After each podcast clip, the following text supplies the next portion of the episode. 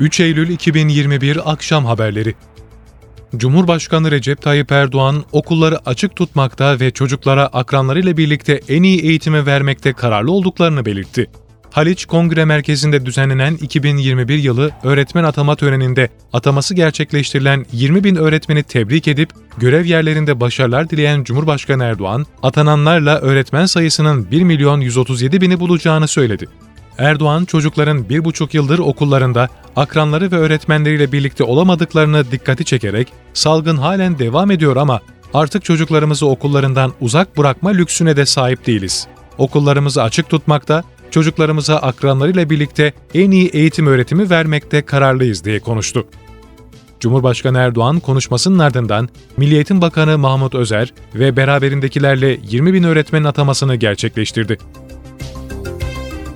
Enflasyon Ağustos'ta %1.12 artarken yıllık bazda %19.25 oldu.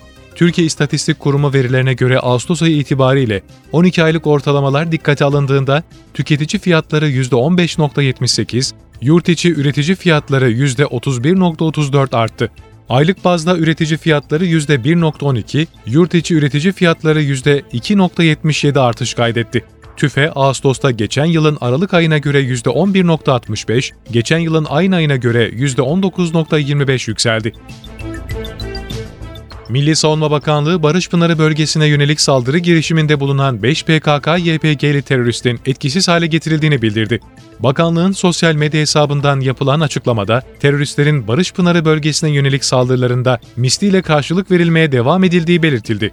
Açıklamada PKK-YPG'li teröristlerin saldırı girişimini önleyerek komandoların tespit edilen 5 teröristi etkisiz hale getirdiği kaydedildi. Muğla'nın Bodrum ilçesinde ormanlık alanda çıkan yangına karadan ve havadan müdahale ediliyor. Umurça mahallesindeki ormanlık alanda henüz belirlenemeyen nedenle yangın başladı. Karadan güçlükle ulaşılan bölgeye 2 helikopter ve 5 arazözde yangın söndürme ekipleri sevk edildi. Yerleşim yerine yakın olan yangının kontrol altına alınması için çalışmalar sürüyor. İlçedeki bazı inşaat firmaları da beton mikserleriyle su taşıyarak ekiplere destek veriyor. Akdeniz'deki Suriye kaynaklı petrol sızıntısı sınırlarımızı tehdit ediyor. Hatay valisi Rahmi Doğan, Suriye kaynaklı sıkıntının çok küçük bir bölümünün sorun yaratmayacak şekilde Hatay sahillerine ulaştığını açıkladı. Suriye'nin kuzeybatısında yer alan ve Akdeniz'in hemen yanı başındaki Banyas kentindeki bir rafineride başlayan petrol sızıntısı nedeniyle tüm dikkatler Doğu Akdeniz'e çevrildi.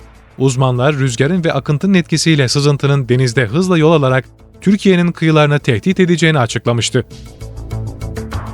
Şehirler arası tren yolculuklarında 18 yaş altı yolcular HES koduyla seyahat edebilecekken, aşılanmamış ve hastalık geçirmemiş yolculardan negatif PCR test sonucu istenecek. İçişleri Bakanlığı'nın bazı faaliyetler için PCR testi zorunluluğu genelgesi çerçevesinde şehirler arası tren yolculuğu ile ilgili olarak 2 yaş altı bebek yolcular için HES kodu gerekmiyor, 18 yaş altı yolcularsa HES koduyla biletlerini alabilecek, trenle seyahat edebilecekler.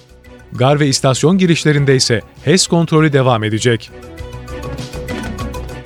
Kongo Demokratik Cumhuriyeti'nde komşu Angola'da bir maden şirketinin Kongo nehrine zehirli atık bırakmasının ardından nehir suyunu kullanan 12 kişi hayatını kaybetti, 4502 kişi hastalandı.